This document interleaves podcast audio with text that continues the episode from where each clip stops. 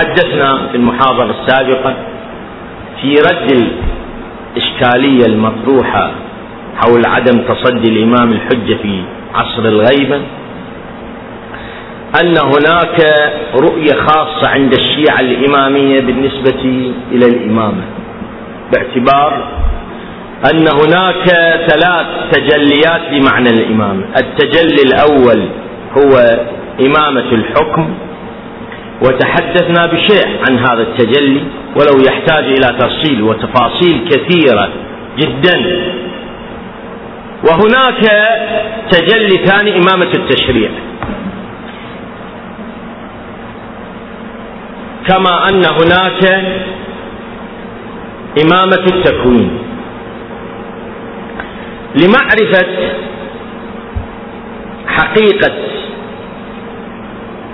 معاني التشريع ومعاني التكوين علينا أن نعرف مقدمة في الإمامة عند الشيعة الإمامية. هذه المقدمة عند الشيعة الإمامية بما ينظرون بها للإمام.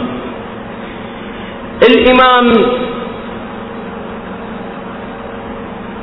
بنفسه مخلوق مميز عن الخلق عن العالم عن الدنيا.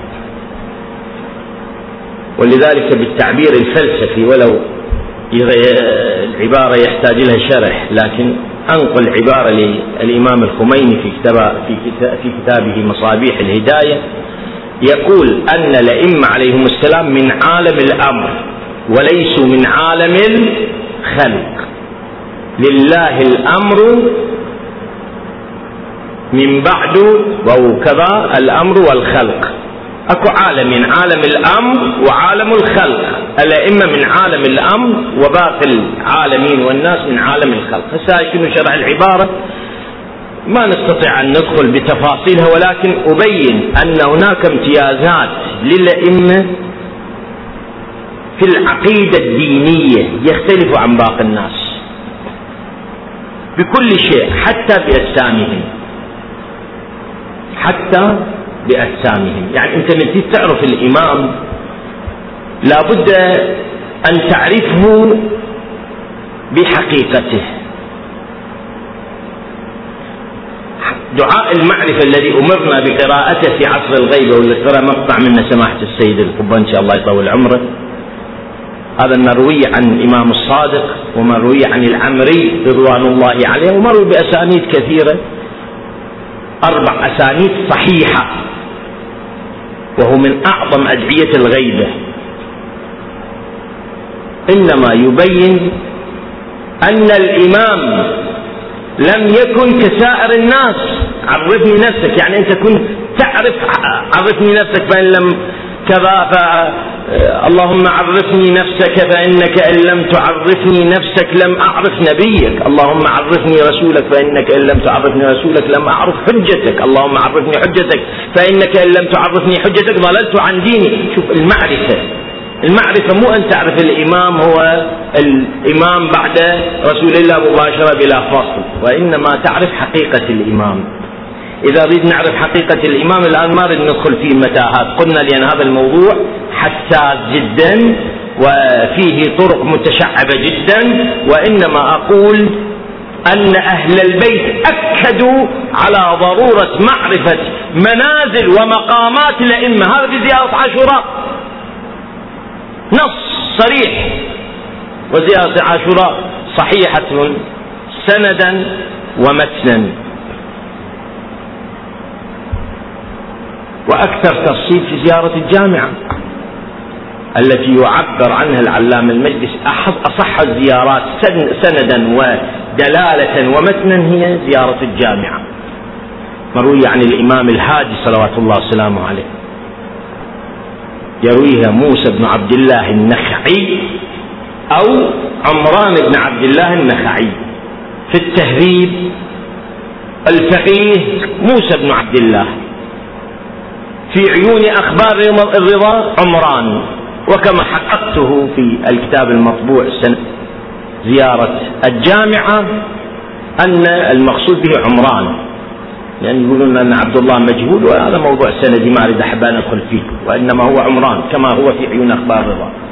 وصار تصحيف في الفقيه والتهذيب. وجه الشاهد الزيارة الشريفة. الزيارة الشريفة تعطيك أن الأئمة عليهم السلام لهم مقامات خاصة. أعرف الإمام بكل خصوصياته. له خصوصيات. الإمام المعصوم له خصوصيات صلوات الله وسلامه عليه. بكل شيء ببدنه. أبين لك ببدنه من خصوصيات كما في الكافي الروايات. في الكافي في صفات الإمام باب صفات الإمام. في الكافي الجزء الأول باب صفات الإمام.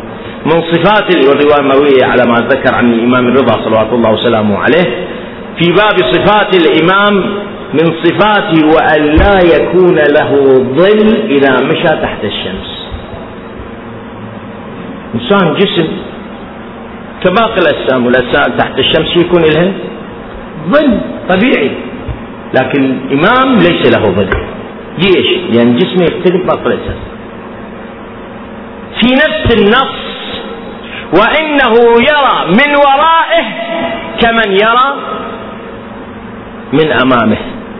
يعني إحنا شلون نشوف اللي قدامنا فهو يرى من من الخلف.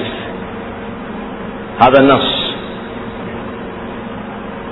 وهناك من صفات الإمام في هذا النص وفي غيره أنه إذا مشى على التراب والرمل لا يكون له أثر. شلون نعرف هذا إمام لازم هذا متوفر به متوفر شرط. لاحظ هذه شروط جسمية. جسمية بالإمام جسمه في جسمنا. من شروط الإمام يمشي اعتراب والرمل ما أثر وإذا مشى على الصخر كان له أثر. اللي يروح إلى زيارة الإمام الرضا منطقة اسمها قدمقاه. قريب مشهد في نيشابور. موجود. الصخرة اللي توقف أن يتورط عليه الإمام الرضا ولحد الآن موجودة. وقف من خرج ذاك واضح جدا آثار قدمه صلوات الله وسلامه عليه لحد الآن موجودة. الصخرة. وقد تبركنا بها. وهناك آثار لأقدام الأئمة. الآن لا تروح بعيد. حتى استرسل بصفات خاص خواص صفة الإمام من حيث الجسم. الآن مو الموضوع هذا اللي أتحدث به وإنما أريد أبين فقط أن الإمام له ميزات بكل شيء.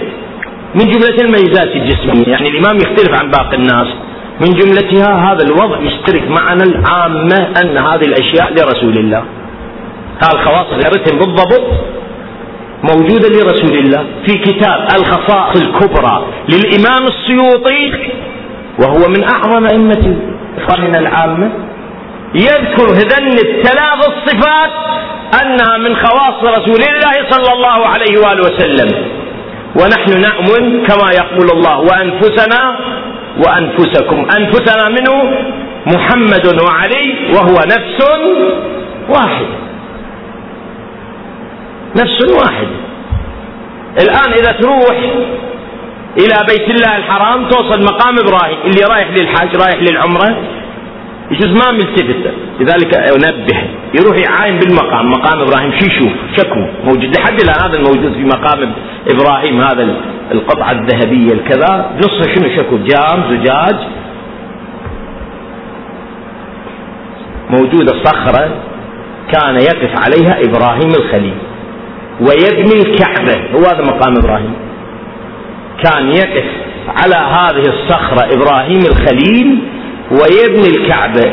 شو تشوف هذه الصخرة؟ آثار أقدام إبراهيم الخليل على الصخرة. ذي شيء واضحة يعني لا تستغرب عندما نقول أن الإمام معصوم له هذه الخصوصية. لا طبيعي. وهي من المسلمات وآثارها موجودة لحد الآن. المي يصدق اللي يروح يشوف. مو مسألة من المعاجز وخوارق العادات وإلى آخره. وجه الشاهد. إننا عندما نريد أن ندرس الإمامة فعلينا اولا أن نعرف أن الله سبحانه وتعالى ميز أهل البيت بكل شيء كما في زيارة الجامعة وآتاكم الله ما لم يؤت احدا من العالمين. آتاكم الله يعني الله أعطاكم أشياء ما أعطاها لأحد من العالمين. تلاحظ ميزهم بأشياء قد العالمين كلها عندهم نفس الشيء يشتركون به لكن هم ممتازين. العالمين كلهم ما يشوفون الوراهم لكن هم ممتازين عنهم يشوفون الوراهم رسول الله صلى الله عليه وآله نهى عن الوصال. هذا الخبر موجود في البخاري ومسلم وفي كل مكان من كتبهم وكتبنا أيضا موجود. نهى عن صوم الوصال. أن ما تفطر وتصل يوم بيوم ما تفطر بيناتهم. نهى عنه الجماعة خالفوا النبي فصاموا ووصلوا. فقال ألم أنهكم عن الوصال؟ قال نراك يا رسول الله تصل. لا قال ليش بس إحنا نفطر خلي إحنا من نصوم مثلك فقال أنا لست مثلكم. ترى أنا مو مثلكم. ماكو مثلية بيني وبينكم. أنتم ليش دائما تقيسون أنفسكم بي؟ رسول الله مو مثلنا. رسول الله ليس مثلنا. بكل شيء مثلنا بشر. نعم رسول الله بشر ولكن يوحى إليه. الوحي لابد أن يكون مستوى خاص به. أنا لست مثلكم. هذا النص الموجود بالبخاري ومسلم. أنا لست مثلكم. أنا أبيت عند ربي يطعمني ويسقيني. شو يطعمه شو يسقيه. هذا اللي يطعمني ويسقيني. علماء الأرباب المعرفة علماء السير والسلوك العرفاء يقولون هو الذي في مقعد صدق عند مليك مقتدر ونفس الرزق الذي لهم رزق معلوم ونفسه الذي ولا تحسبن الذين قتلوا في سبيل الله أحياء أمواتا بل أحياء عند ربهم يرزقون يرزقون. الرزق واحد. هذا الرزق شنو؟ قطعا الطعام والشراب. شيء آخر. الآن ما أريد أدخل بهذا التفاصيل. وإنما أريد أقول أن للأئمة الإنسان إذا يريد يدرس الأئمة يعلم أن للأئمة صلوات الله وسلامه عليهم آتاكم الله ما لم يؤتي أحدا من العالمين. يعني لهم خصوصية. ولذلك عندما نقرأ كل شيء لابد نميزه. أنا مثال. الآن ندخل عن إمامة التشريع. إمامة التشريع إمامة التشريع. نحن نقول للأئمة إمامة التشريع. هم في الفكر السني يقول ماكم مانع. إحنا نقول الأئمة لهم إمامة التشريع. الآن اقرأ في الصواعق المحرقة. كتاب. أشد شؤما ولؤما ما يوجد مثل كتاب الصواعق المحرقة لابن حجر الهيثمي. اسمه غريب عجيب. صواعق ومحرقة وإلم تحرق. ما أريد ندخل الآن حول هذا الكتاب الاسم المؤلم. وإنما نقول أنا هذا مع ذلك مع شؤمه ولؤمه ينص على أو يقبل إمامة الأئمة الاثنى عشر حتى الإمام المهدي. ينص موجود. يعبر عنهم الأئمة الاثنى عشر. ويجيبهم ويترجم لهم. كل إمام يترجم له. الإمام الحديث يترجم له عدة خمس سطور سبع سطور ما أتذكر. عدة سطور يترجم حياة يقول فلان باسمه الشريف لأن هناك شبه حرمة ذكر اسمه في الحفل العامة لذلك أنا أشير إشارة إلى اسمه الشريف عجل الله تعالى فرجه الشريف. يسميه باسمه فلان ابن الحسن العسكري. المهدي المنتظر. هذا ينص عليه. ثم يذكر ولد سنة كام؟ إلى آخره. وصار إماما بعد أبيه وكان له من العمر خمس سنوات هم يذكره ابن حجر. لكن ابن حجر ما يعتقد مثلي. انت تعتقد وأنا لا اعتقد بإمامة الائمه الاثنى عشر. ابن طولون وهو من كبار علماء السنة عنده كتاب مطبوع في مصر موجود موجود عنده موجود. اسمه الأئمة الاثنى عشر. اسم الكتاب أصلا اسم الكتاب الأئمة الاثنى عشر. يترجم لهم إمام إمام من الأول إلى الآخر. من علي بن أبي طالب إلى الإمام الحجه المهدي عجل الله تعالى فرجه الشريف. الآن ما نريد أستقصي الكتب اللي ألفت بالأئمة الاثنا عشر من قبل القوم من جملة الفصول المهمة. لابن صباغ المالكي وهو من كبار علماء القوم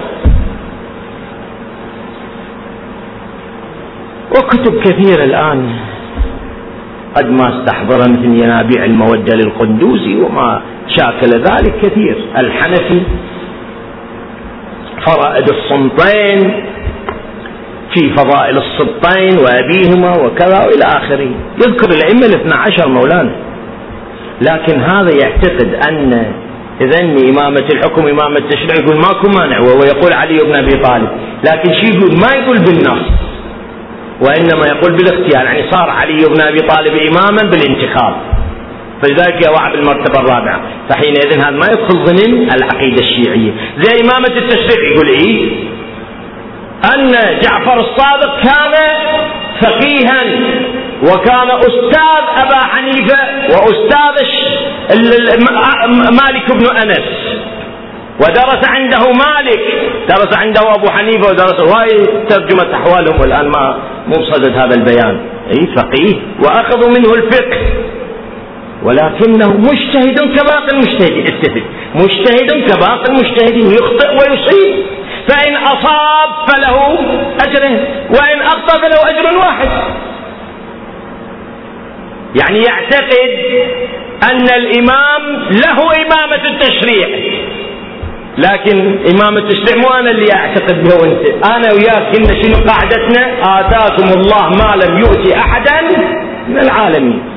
إمامة الحكم يعني الحكم إلهم. غيرهم إنما يحكم بأمرهم بالإذن إما الإذن العام أو الإذن الخاص. إما يأذن الإذن الخاص المعصوم ويقول فلان وجعلته واليا على البصرة.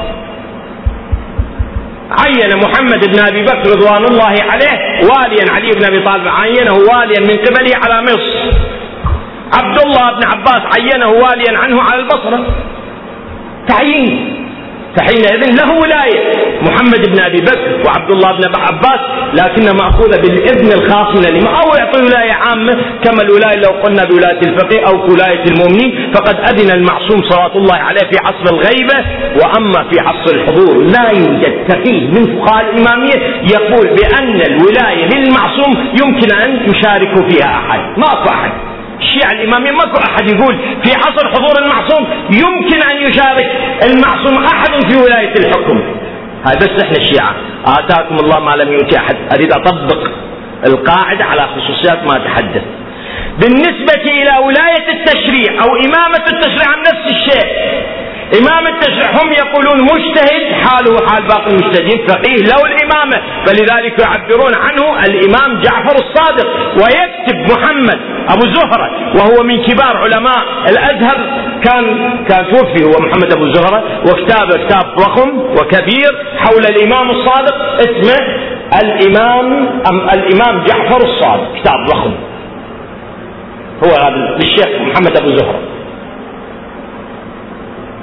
ويقول إمام فقيه. اقرأ الكتاب من أول لآخر وكله من الأول لآخر يريد يؤكد على حقيقة أن جعفر الصادق حاله حال باقي الفقهاء.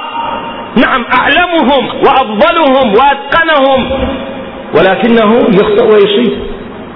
إحنا شو نقول؟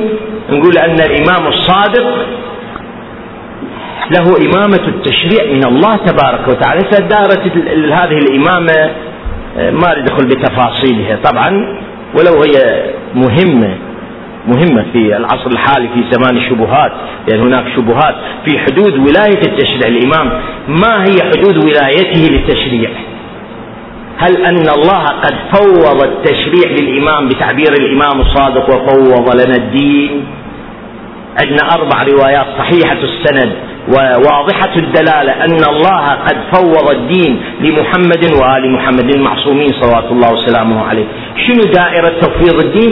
كما يقول أستاذنا السيد الخوي رضوان الله عليه عندما يتحدث عن هذا في بحثه حول الولاية الولاية في بحث البيع بحث الخارج مو بحث. وهناك معنا في بحث الخارج في موضوع البيع عندما يتحدث عن الولاية والأولياء يذكر هو من القائلين بتفويض الدين للأئمة عليهم الصلاة والسلام. ما أريد أدخل بهذا وما هو التفويض الدين وكيف يفوض الدين وما هو المقصود؟ هذا بحث بنفسه. أنا ما دخلت يعني بخصوصيات بكثير من الأبحاث التي نتعرض وإنما أشرت إليه إشارة. أما الذي أردت أن أقول أن الولاية من الإمام هو إمام التشريع يعني موجود إمام. أنت تروح تسأل فقيه مجتهد يعني في زمان الإمام كان محمد بن مسلم الثقفي صح ولا لا؟ وهم من فقهاء الإمامية من فقهاء أصحاب الإمام كما يقول الكشي رضوان الله عليه عندما يعدد أصحاب الإمام الصادق الفقهاء من أصحابه. وكذلك الشيخ المفيد في الإرشاد يذكر من فقهاء فقهاء يعني مجتهد واصل مرتبة الفقهاء الاجتهاد محمد بن مسلم زرار بن أعين رضوان الله عليهم هؤلاء من الفقهاء. هؤلاء مع أنهم من الفقهاء. إذا أكو رواية عن الإمام الصادق يقدر يقول لك يقول لك يقول لك محمد مسلم والله أنا رأيي أخالف الإمام بهذه المسألة. يقدر؟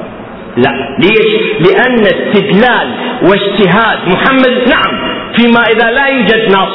كان محمد بن مسلم في الكوفة ولا يوجد نص. كما عندنا رواية الآن ما أحب أدخل فيها في بحث الطلاق. زين؟ آه وما عنده نص اجتهد من خلال روايات الصادق عليه الصلاة والسلام وجاب استنباط واستنبط حكم شرعي وبعدين تبين قد أصاب الواقع. راح لأنه سابقا ماكو تليفون يتصل بالإمام سيدي أو بالإنترنت ويكتب سيدي أنا عندي وقعت في هذه مشكلة. فلذلك الإمام المعصوم شرع الاجتهاد معه في عصر المعصوم. الاجتهاد في عصر المعصوم. هذا بحث الاجتهاد في عصر المعصوم. لكن بشرط عدم وجود المعصوم في المنطقة وعدم إمكان الرجوع إلى المعصوم في المنطقة.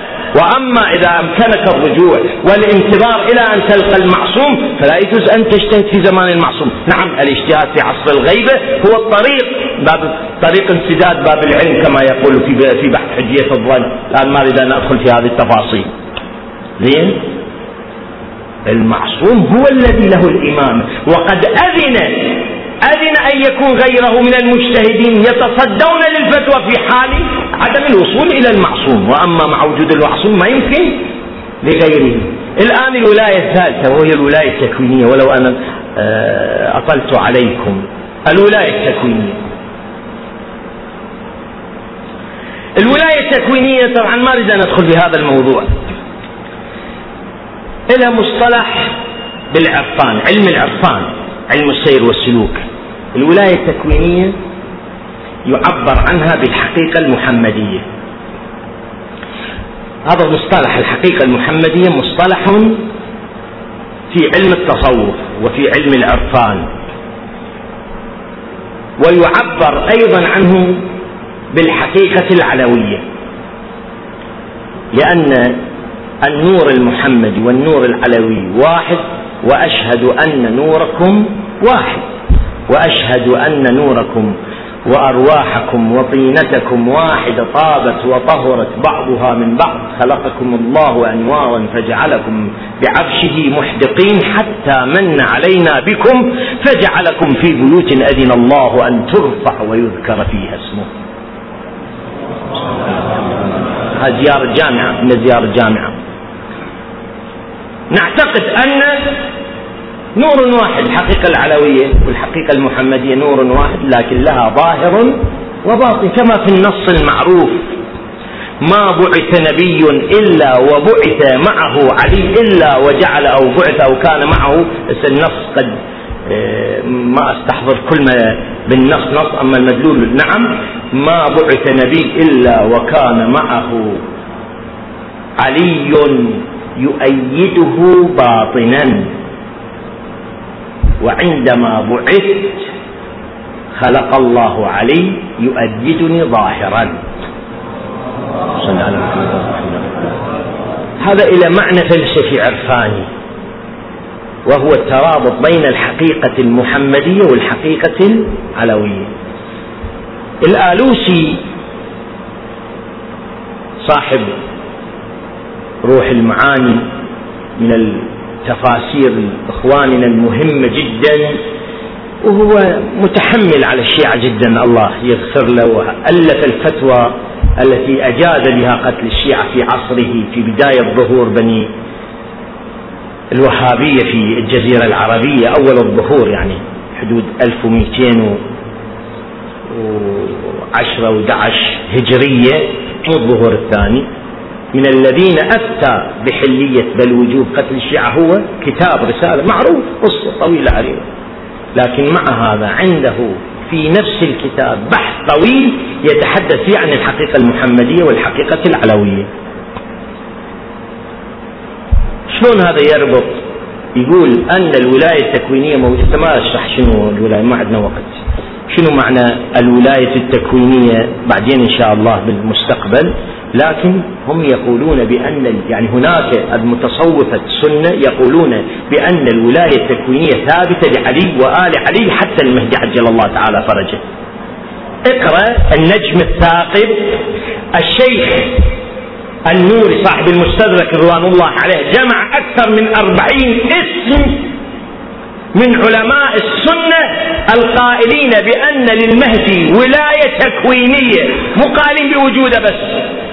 يعني يقولون بوجود المهدي وأن للمهدي ولاية تكوينية حسب ما جمعه هو. وكذلك في كتابه كشف الأستار فهم يقولون أيضا بأن للولاية لكن هاي الولاية التكوينية التي يقولونها نفس اللي إحنا نقولها اللي يعبرون عنه بالقطب والقطبية وقطب الأقطاب والإمام المهدي وقطب الأقطاب. كما في الفتوحات المكية. لابن عربي.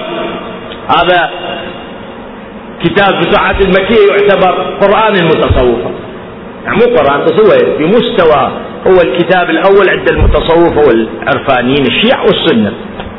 ينص أن الإمام المهدي فلان ابن الحسن قطب الأقطاب لكن هذه القطبية الولاية هي نفس اللي إحنا نؤمن لا لأن هاي يقولون هاي الولاية يمكن للمهدي ويمكن عرضا وطولا لآخرين من الأقطاب ويعتبر نفسه على ما قيل عنه وهو ينص إن صح ما نسب إليه في كتاب الفتوحات المكية ما أريد أدخل بها التفاصيل. ينص أنه أيضا من الأقطاب ومع أنه يؤمن أن المهدي موجود والتقى به أكثر من مرة. مرتين أو ثلاث التقى به بإختلاف النصوص اللي ذكرها في الفتوحات المكية وباقي كتبه. يعني يمكن أن يكون له ولاية والمهدي له ولاية. ولاية تكوينية والمهدي له ولاية تكوينية. يعني الاثنين لهم ولاية تكوينية. إحنا شو نقول؟ وآتاكم الله ما لم يؤتي أحدا من العالمين. لا الولاية التكوينية اللي عند الأئمة لا توجد عند أحد. الولاية التكوينية لا توجد عند أحد من العالمين. هناك خصوصية خصهم الله سبحانه وتعالى بها. ما يمكن لهذه الولاية أن تتعدى إلى غيرهم من البشر بل من المخلوقات. إذا هذا آتاكم الله قد بعض التفاصيل يشترك معنا غيرنا لكن نحن الشيعة الإمامية نؤمن بقانون آتاكم الله أن لهم إمامة الحكم وإمامة التشريع والولاية التكوينية بنحو واسع اختص به من دون العالمين عندما نقرأ خصوصيات الإمام لاحظ. خصوصيات الإمام المعصوم صلوات الله وسلامه عليه. وهذه الخصوصيات كلها متوفرة بالمهدي. يعني أنت من تعتقد وجود المهدي كلها كنت تعتقد به. لأن المهدي خاتم الأوصياء. خاتم الأوصياء. هو خاتم الكون وأن الله قد أظهر في المهدي ما لم يظهر في باقي الأئمة المعصومين. مو يعني أفضل لا ما يظهر ما موجود. مثلا الحكومة العالمية الواحدة التي تظهر على يدها ما ظهرت على يد رسول الله ولا ظهرت على يد علي بن أبي طالب.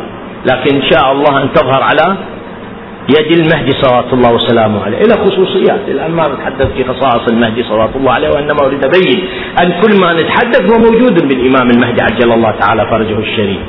أنا كنت أتصور أن الوقت يكفينا لكن في هذا المقدار ما ذكرناه عن هذا الموضوع هناك تبقى مواضيع أخرى وإنما تحدثت عن الولاية في الحكم. تبقى مسألتان. وهو الولاية للتشريع والولاية التكوينية. أسأل الله سبحانه وتعالى